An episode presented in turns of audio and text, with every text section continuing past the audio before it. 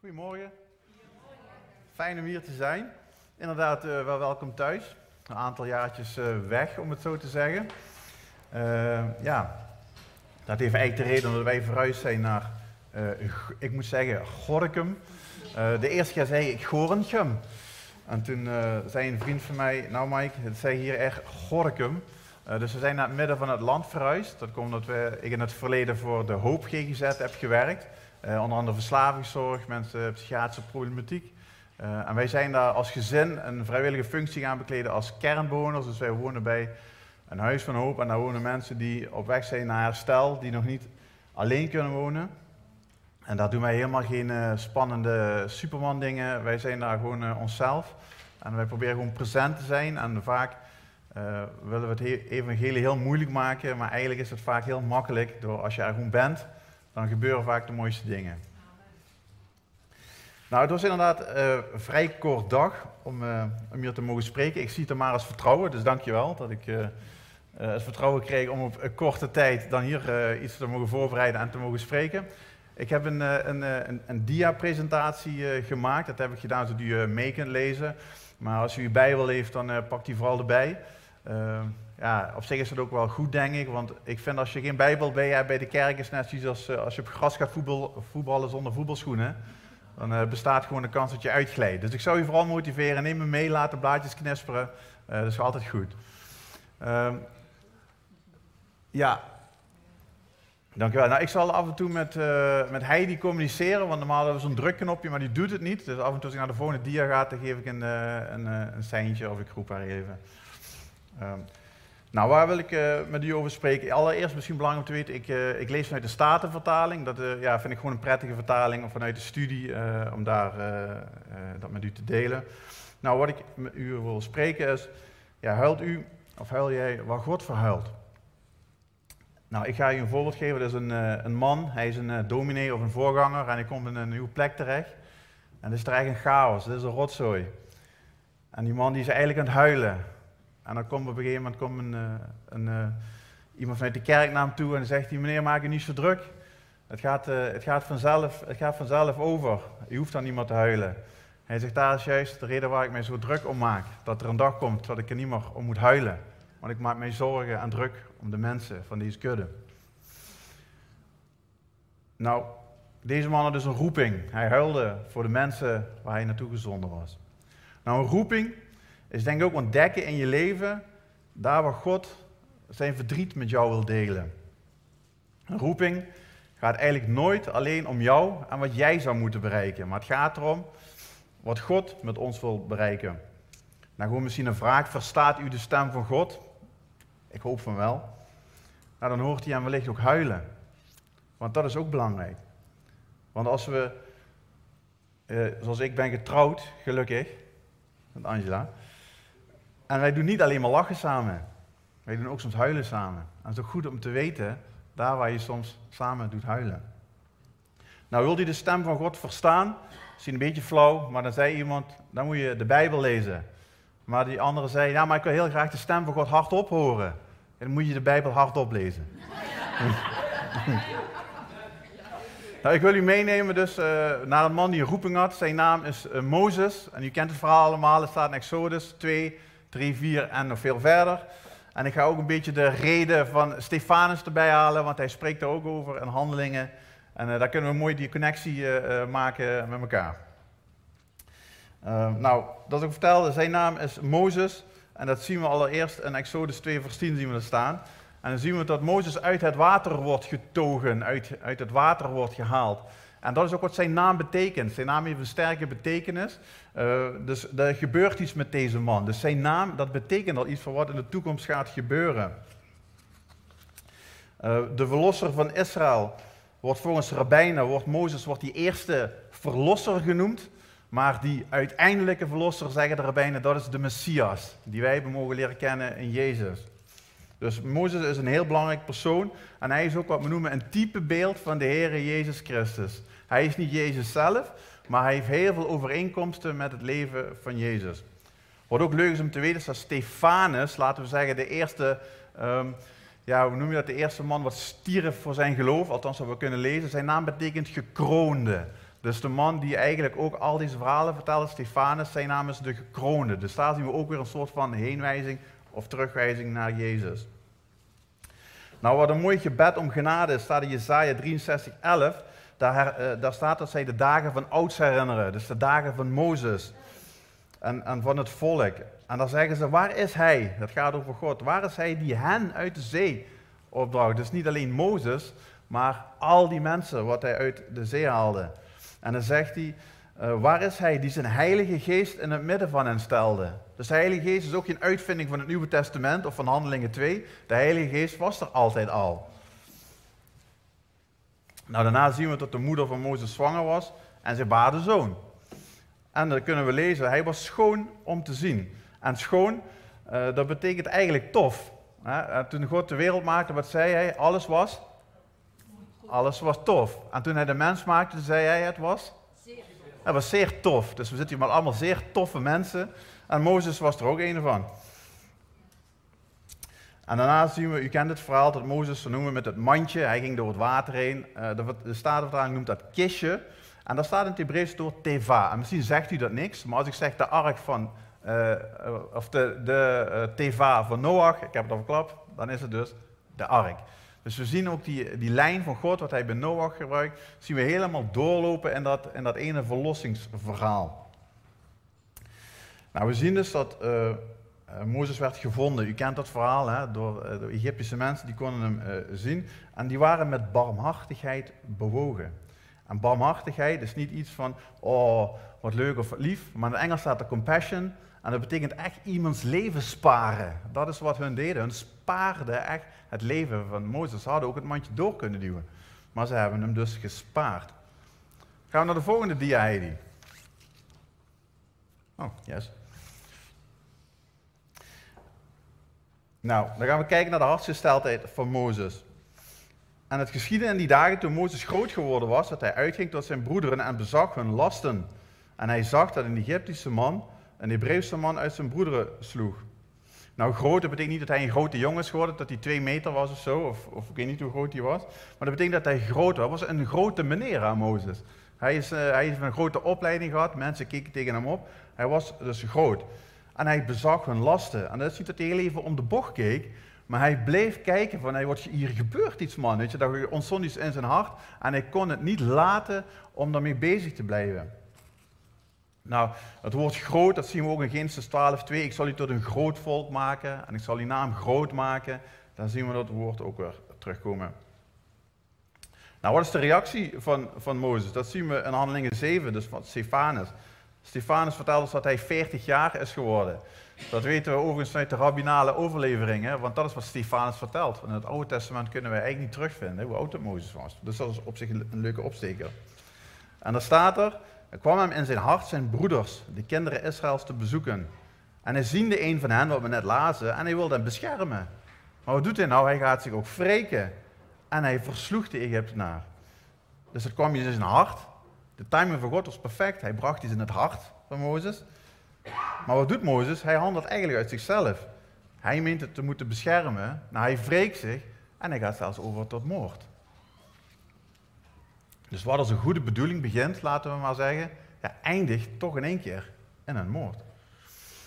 Mozes zelf, hij dacht dat zijn broederen hem wel zouden verstaan. Want hij had in zijn hart toch een roeping gekregen.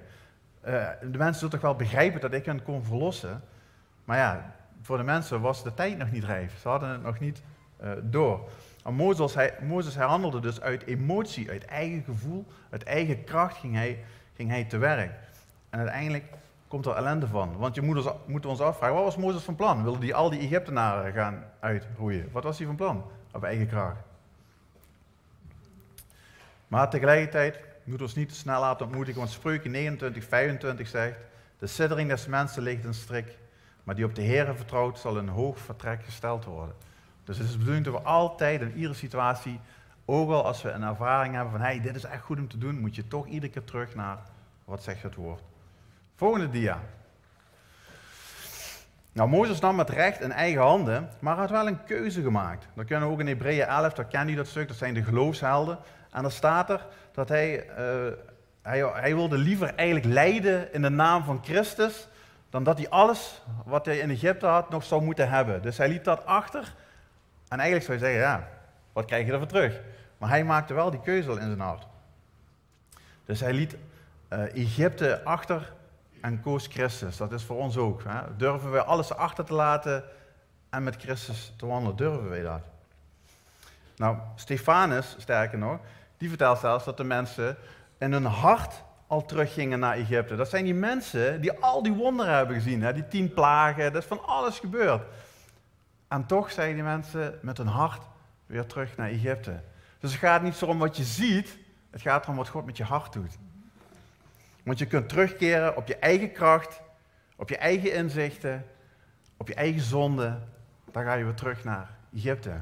Met je hart kun je allang terug zijn. Je kunt in de kerk zitten, maar je kunt met je hart nog steeds in Egypte zitten. Isaiah 30 zegt dat ook, dat is trouwens een profetie voor het einde van de tijd, staat daar. En dan staat er, wee de kinderen die afvallen, spreekt de Heer, om een raadslag te maken, maar niet uit mij.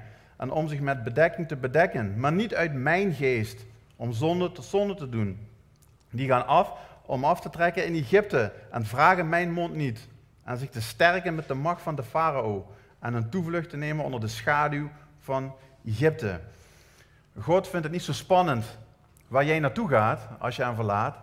Waar hij zich echt zorgen om maakt, is waar je weggaat.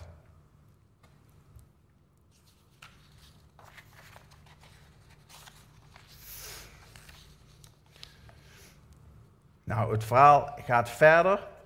En dan zien we inderdaad dat uh, Mozes ziet dan twee Hebreeuwse mannen en die zijn aan het knokken of aan twisten.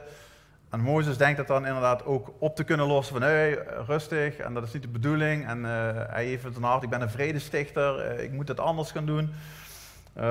en dan zeggen die mensen één keer, ja, wie heeft u tot, tot overste gemaakt, staat er, of wie heeft u rechter gemaakt? Wie, wie heeft jouw prins en rechter over mij gemaakt, Mozes? Wat kom jij me nou vertellen?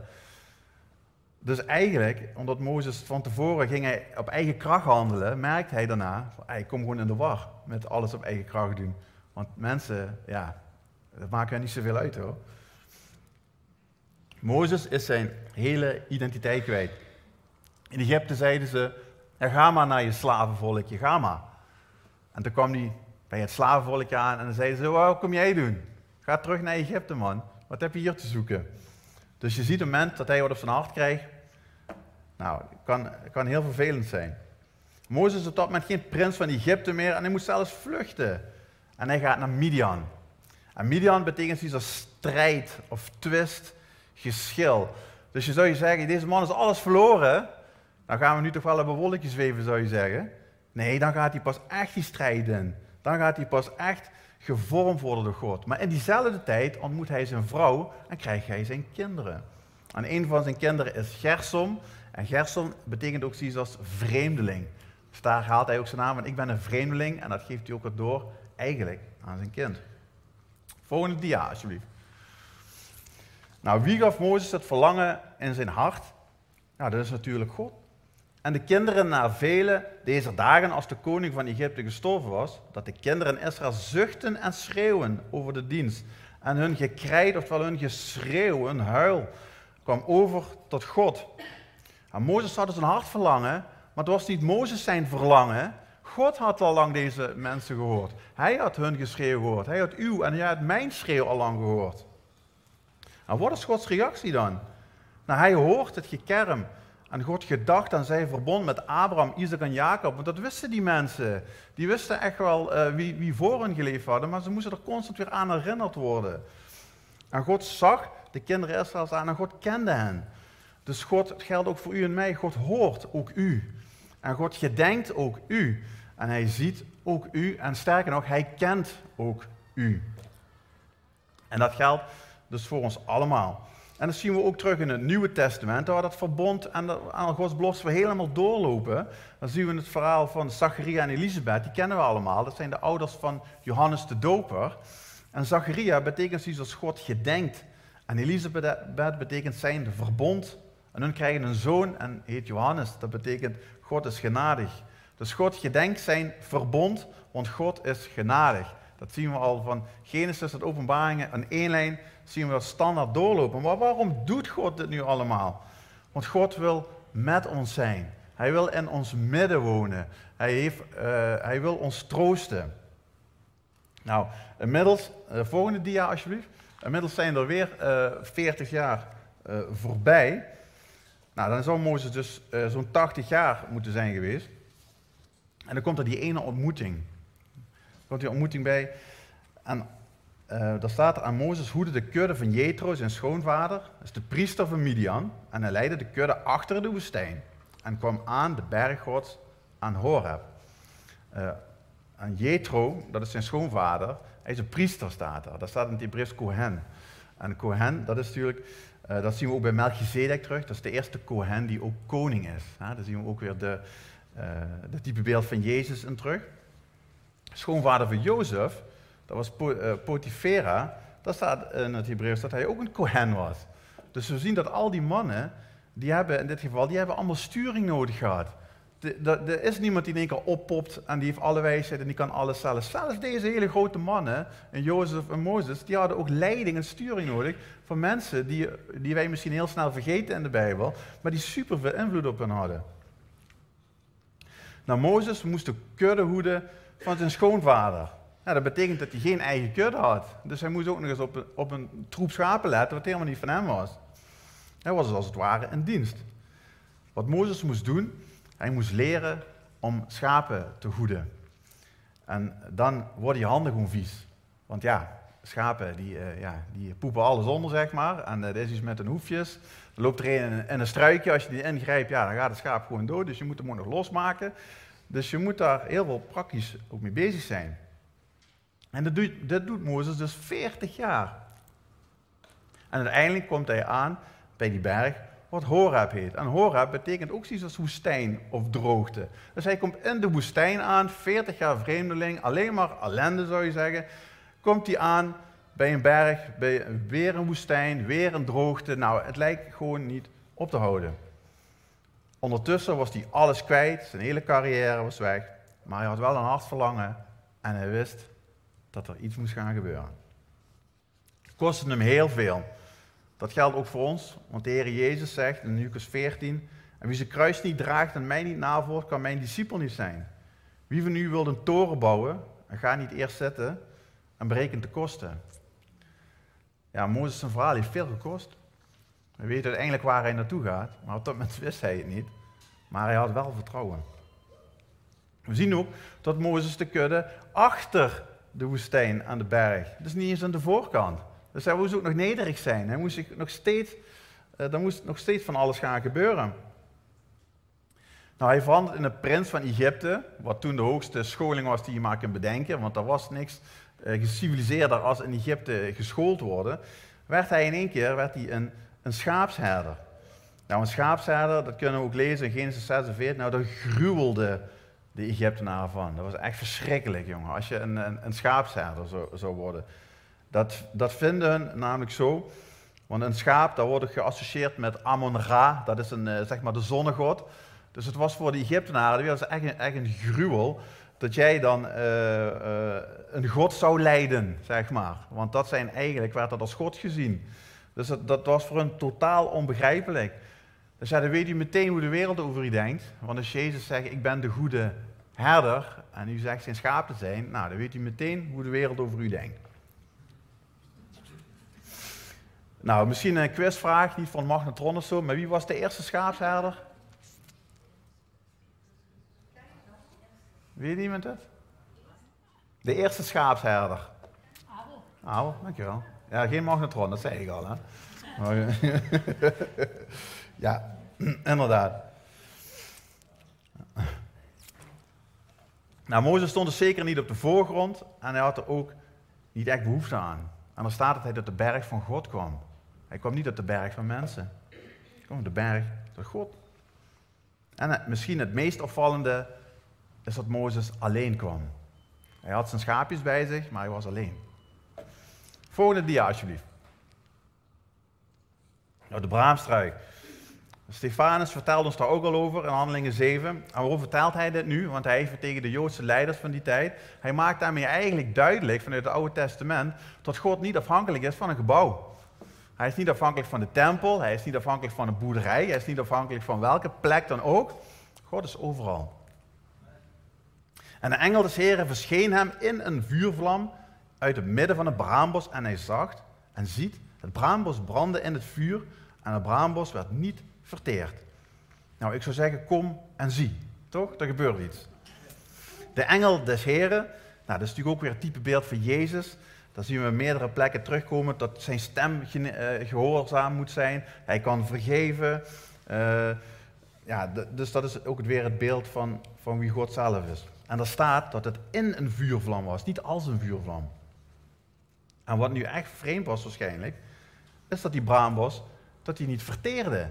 Dus we zitten in de woestijn en op droogte. Ja, misschien is het niet ondenkelijk dat het, ja, laat ik zeggen, in de fik vliegt. Maar het was vreemd, want het, het ging niet weg. En Mozes ging, uh, daarom ging die kijken. En dan ging hij van dichterbij kijken. Hij, uh, dus hij, ging, uh, na, hij naderde het. En dat betekent dat we soms gewoon heel goed uit ons doppen moeten kijken. Dat het recht voor je voeten kan liggen. Maar dat je dus focus nodig hebt om ook te zien waar en hoe God spreekt. We krijgen helaas niet altijd een bezuin in ons oren of een briefje uit de hemel. Soms moet je gewoon heel goed opletten. Uh, volgende dia. Nou, toen de Heer zag dat hij zich daarin wendde om te bezien, zo riep God tot hem uit het midden van de braambos en zeide, Mozes, Mozes. En hij zeide, zie hier ben ik. Dus als eerste verschijnt God. Daarna dan ziet Mozes het pas en dan gaat hij beter kijken. En in vers 4 dan zien we dat, uh, uh, dat God eigenlijk op dat er, uh, ziet God dat Mozes het bemerkt en dan roept hij pas. En dan gaat hij spreken tot Mozes. En dan denkt Mozes, wow, dan, moet eigenlijk iets heel bijzonders gebeuren. Want God spreekt vanuit de braambos, wat een stekelige situatie is. Van daaruit spreekt God. En God spreekt niet per se vanuit de hemel, Mozes. Nee, hij spreekt eigenlijk vanuit die stekelige situatie. Spreekt hij hem toe en moet Mozes ook nog opletten, ook nog. De braambos is ook het, uh, het beeld natuurlijk. Het betekent het is in het Hebreeuws ook zoiets als steken, prikken. Denk daarbij aan de doornenkroon die Jezus uh, op zijn hoofd nam. het hout waaraan hij werd geslagen. En dat is ook het beeld, Jezus, dat er misschien heel veel heftigheid was, ook aan het kruis. Maar hij is nooit verteerd. Integendeel, Jezus leeft. Nou, Hebreeën 4 zegt dat wij een hoge priester hebben die ook met ons mee kan leven met onze zwakheden. Juist omdat hij is verzocht, maar één verschil, zonder zonde. Want God is heilig. En die Mozes moet zijn schoenen uitdoen. Want het is wel een heel bijzonder moment wat hier gebeurt. Nou, hij zegt, ik ben de God van uw vaders, de God van Abraham en Isaac. En dat is belangrijk, weer die herinnering. Want dat wist Mozes ergens wel. Misschien is hem het wel verteld geworden later, van hoe dat zat. Vanuit die ontmoeting ontstaat er dus eigenlijk pas een roeping. Uh, die belofte was eerder al aan Abraham gedaan dat zijn volk zou uittrekken. Dus het verhaal moet levend blijven. Dat geldt ook voor ons als kerk zijn. Het verhaal moet standaard levend blijven. Uh, volgende dia alsjeblieft. Nou, God bevestigt Mozes hartsgesteldheid, dat zagen we net ook. En de Heer zei, ik heb zeer wel gezien de verdrukking mijns volk, welk in Egypte is. En ik heb een geschrei gehoord vanwege hun drijvers, want ik heb hun smarten bekend. Dus God heeft gezien en hij zegt, mijn volk, niet jouw volk, Mozes. Dus dat geldt ook zoals we hier zijn. Dit is niet ons volk, of het is niet wie dan ook zijn volk, het is Gods volk. God heeft het gehoord en hij weet het ook. Nou, wat gaat God hier aan doen? Volgende dia, alsjeblieft.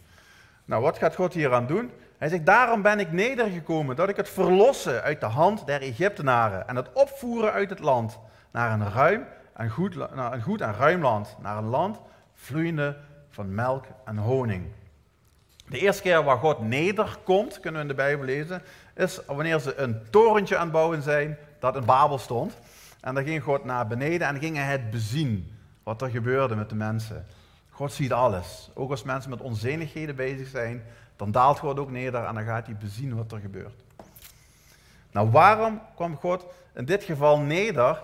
Kwam hij om te verlossen, om de mensen uh, uh, uit de situatie te halen. Denk aan Emmanuel, aan God met ons. Waar, wat zijn functie? Hij kwam ook om ons te verlossen. Nou, waar naartoe? Naar een plaats van land, uh, van melk en honing. Dat wordt hier voor de eerste keer in de Bijbel genoemd, melk en honing. En dus in die droogte, daar krijgt Mozes te horen voor het eerst het land van melk en honing. Het gaat komen, jongens, het gaat komen. En melk en honing, en dan kunnen we denken, ah, lekker, melk en honing. Maar ja, ze hadden daar geen jumbo of, of, of koelkasten in de woestijn staan. Dus voor melk moet je ook nog wat doen, zeg. Dus je moet dan ook nog eens gaan melken. En voor honing moet je ook wat doen. Dus God geeft alles, maar je moet zelf ook wat doen. Nou, God wil met ons uh, relatie.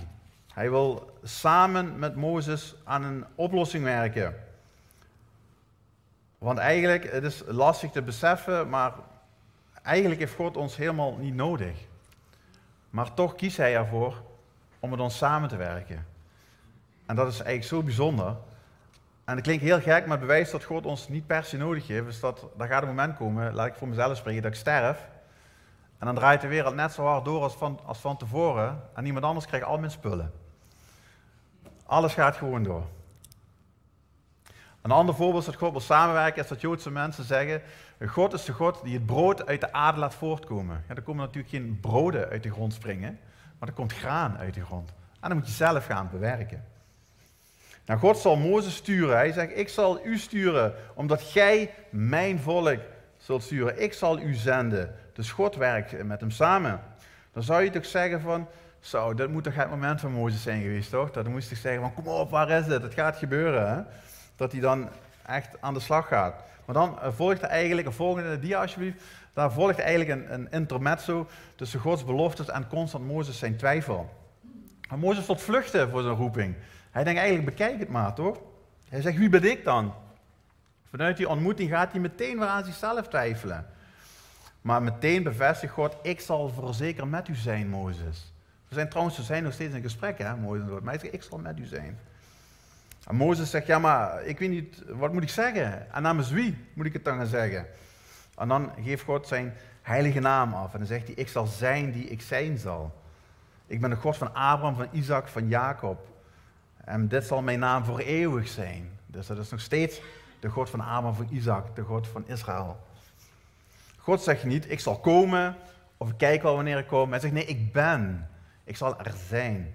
Jezus zegt ook in Johannes 8, vers 58, voorwaar, voorwaar zeg ik u, eer Abraham was, ben ik.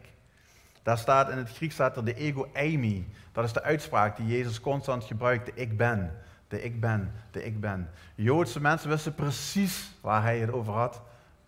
Zij wist dat hij zichzelf uh, identificeerde met de God waar Mozes mee sprak.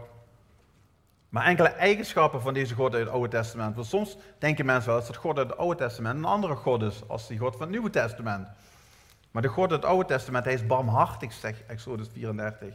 Hij is genadig, hij is langmoedig, hij is groot van weldadigheid en van waarheid. Ongelooflijk. Dat we gewoon diezelfde God mogen dienen. Exodus 3 vers 17 zegt, Daarom heb ik u gezegd, ik zal uw lieden uit de verdrukking van Egypte opvoeren. En dan zegt hij weer, tot het land vloeiende van melk en honing. Dan zegt hij, Mozes, ik zal dat doen. Niet jij, ik zal het doen. Maar ik ben met je. Dat geldt ook voor ons allemaal, want God overziet het hele plaatje. Hij ziet de verdrukking, maar hij ziet ook het land van melk en honing. En hij zegt trouwens, ik ben overal bij, van het begin tot het einde. Eigenlijk is het ook simpel, want wij hebben niks aan onszelf te danken. Dat merkte Mozes ook. Efeze 2 vers 8 zegt dat, want uit genade zijt gij zalig geworden door het geloof. En dat niet uit u. Het is door God en niet uit werken. Dat niemand roemt. Niemand onder ons mag roemen. En zich op de borst slaan en zeggen, dat heb ik goed gedaan. We hebben niks aan onszelf te danken. We hebben alles ontvangen. En God geeft ook nog eens aan dat hij wonderen zal gaan doen. En in Exodus 3 vers 20 zegt hij, ik zal mijn hand uitstrekken mijn wonderen. Ik zal het doen. En nog steeds blijft Mozes twijfelen. Nou, Mozes, uh, uiteindelijk zien, zegt hij, ja, maar ze gaan toch niet luisteren? Ze gaan niet naar mij luisteren, Heer. En dan zegt God weer, ik zal lieden uit de verdrukking van Egypte uitvoeren. Alweer, zegt hij. Want Mozes vergeet constant wat God hem net gezegd heeft. Het is ook belangrijk om te weten wat God een keer in je leven gesproken heeft, dat hij dat ook gaat onthouden. Want we vergeten ook alles meteen weer. En eh, daarna krijgt Mozes zelf twee wonderen te zien, of tekenen.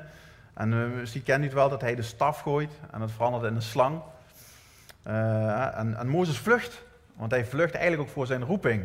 Maar de slang, want hij komt bij Egypte, dat zie je ook vaak bij de farao. Misschien kan je wel van films of tekenfilms met zo'n slang op een voorhoofd. En de slang, dat stond eigenlijk voor heel de schepping, voor heel het heelal. Dus Mozes schrok zich ook helemaal te pletten natuurlijk, van wow, wat is dit? Wat gebeurt hier? Maar daarna moest hij eigenlijk letterlijk moest hij zijn autoriteit vastpakken. En hij had het al in zijn handen. Martin vertelde volgens mij vorige ook dat stukje. Dat hij had het al in zijn handen. Het is niet zo dat God zei, hier heb je een staf. Nee, hij was er eigenlijk gewoon mee naar die berg komen lopen. Dus heel vaak, hij hebben al iets in handen. Maar God gaat u laten zien waarom u het in handen heeft. En we zien ook het wonder dat hij uh, met zijn hand eigenlijk in zijn boezem ging. En zijn hand werd uh, milaat. Ja, ik denk dat hij toch wel geschrokken is. Uh, Melaatheid staat hier ook voor zonde. dus Mozes zag ook zijn eigen zonde voor zich. nou, daarna zegt Mozes, ja, ik ben geen man van taal. En ik ben eigenlijk helemaal geen goede spreker. Dus Mozes komt weer met een excuus eigenlijk. En dan zegt God, nou, wie heeft de mens gemaakt? Wie heeft de mond gemaakt? Ik zal met uw mond zijn, Mozes. En ik zal u ook leren, Mozes, God blijft geduldig met Mozes, ondanks dat hij de ene naar de andere reactie blijft geven. Maar Mozes was natuurlijk geen domme jongen. Want uh, Stefanus zegt ook dat hij machtig in woorden en werken was. En dat zien we ook bij Jezus, wordt hetzelfde over hem gezegd. Deze is krachtig in woorden en werken. En dan Mozes als toppunt zegt hij, stuur iemand anders, alsjeblieft, hou op Heer. En dan wordt God boos. Maar tegelijkertijd geeft hij een praktische oplossing. En dan uh, stuurt hij Aaron met hem en dan zegt hij, hij zal voor jou spreken. Geen probleem. Het is goed om te beseffen dat er maar één van u hier is. U kunt in uw leven zeggen, ja, maar nee, ik doe het niet. Nou, laat iemand anders het maar doen. Maar er is er maar één van u.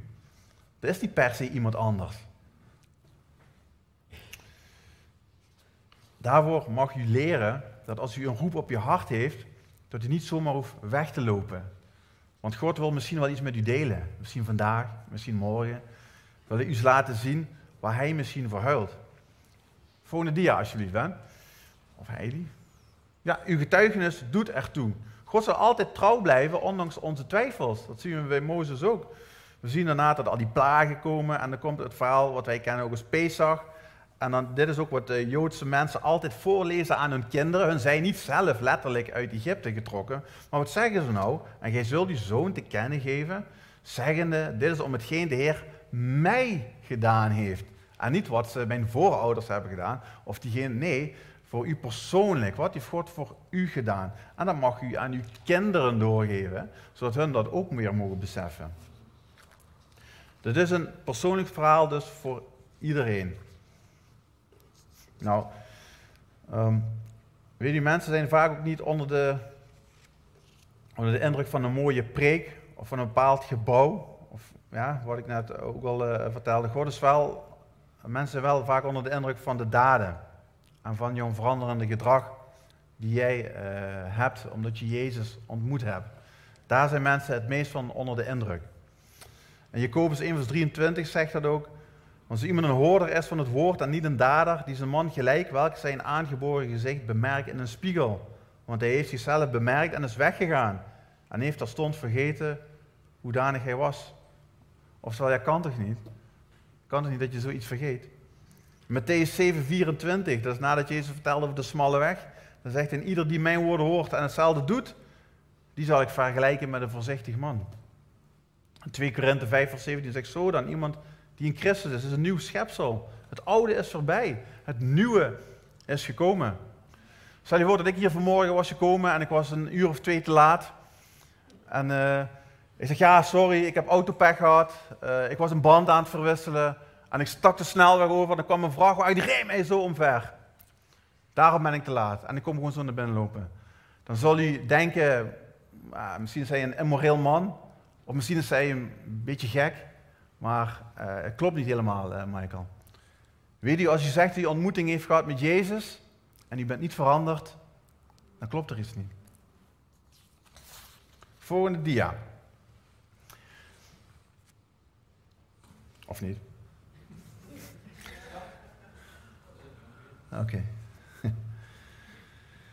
nou huilt u waar God verhuilt. Mozes hij leerde Gods stem verstaan en hij huilde waar God verhuilde. Hij ontving zijn roeping en daardoor ging hij door een hele heftige strijd heen. En hij ging alleen maar door verdrukking heen en er kwam alleen maar een, een, uh, een droogte terecht. Maar toch is daar die belofte voor God. Hier staat het uh, verkeerd trouwens, het moet 2 Korinthe 1 vers 4 zijn. En dan staat er dat wij, uh, wij zijn getroost in die verdrukking. En met die vertroosting, want als je nooit verdrukt bent, hoe kun je dan iemand troosten die niet verdrukt is geweest? Dat is onze getuigenis. U heeft uw eigen verhaal die u door kunt vertellen. Wat sterk is voor andere mensen, voor uw buurman. Uw buurman komt misschien niet mee naar de kerk, maar hij ziet wel aan u hoe je bent op je werk, hoe je praat, hoe je doet, hoe je over je vrouw praat. Noem maar dat soort dingen maar op. En dat is heel belangrijk om te zien. En het geldt ook voor ons en vandaag ook voor kom en zie schinnen, want God is nedergekomen en hij heeft uw lasten gezien. Ook van het verleden, alle lasten die er zijn, die er nu zijn, die gaan komen. Maar hij is nedergekomen en hij wil u een verlossing bieden in de naam van Jezus. En hij wijst u naar het land van melk en honing. Dat betekent niet dat we op een wolkje gaan zweven, maar dat betekent dat we ook iets moeten gaan doen, want we hebben alles in onze handen gekregen. Een roeping is ontdekken in je leven daar waar God met jou zijn verdriet wil delen. Dat is een roeping. En een roeping gaat nooit over wat jij denkt of wilt te bereiken. Daarvoor is onze prediking zo belangrijk. Want soms zitten mensen in de kerk die kennen Jezus helemaal niet. En dan ga ik vertellen, ja, maar God heeft een plan met jou. Oh, oh ja, ik heb ook een plan. Uh, ja, en God wil jou uh, steeds uh, wilt jou groot maken. En, oh, dan komt dat even goed uit.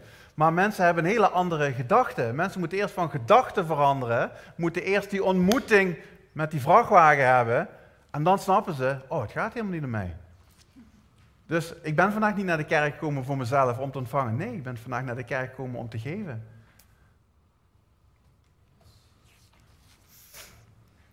Wanneer het aan Mozes had gelegen, ja, was het nooit gebeurd.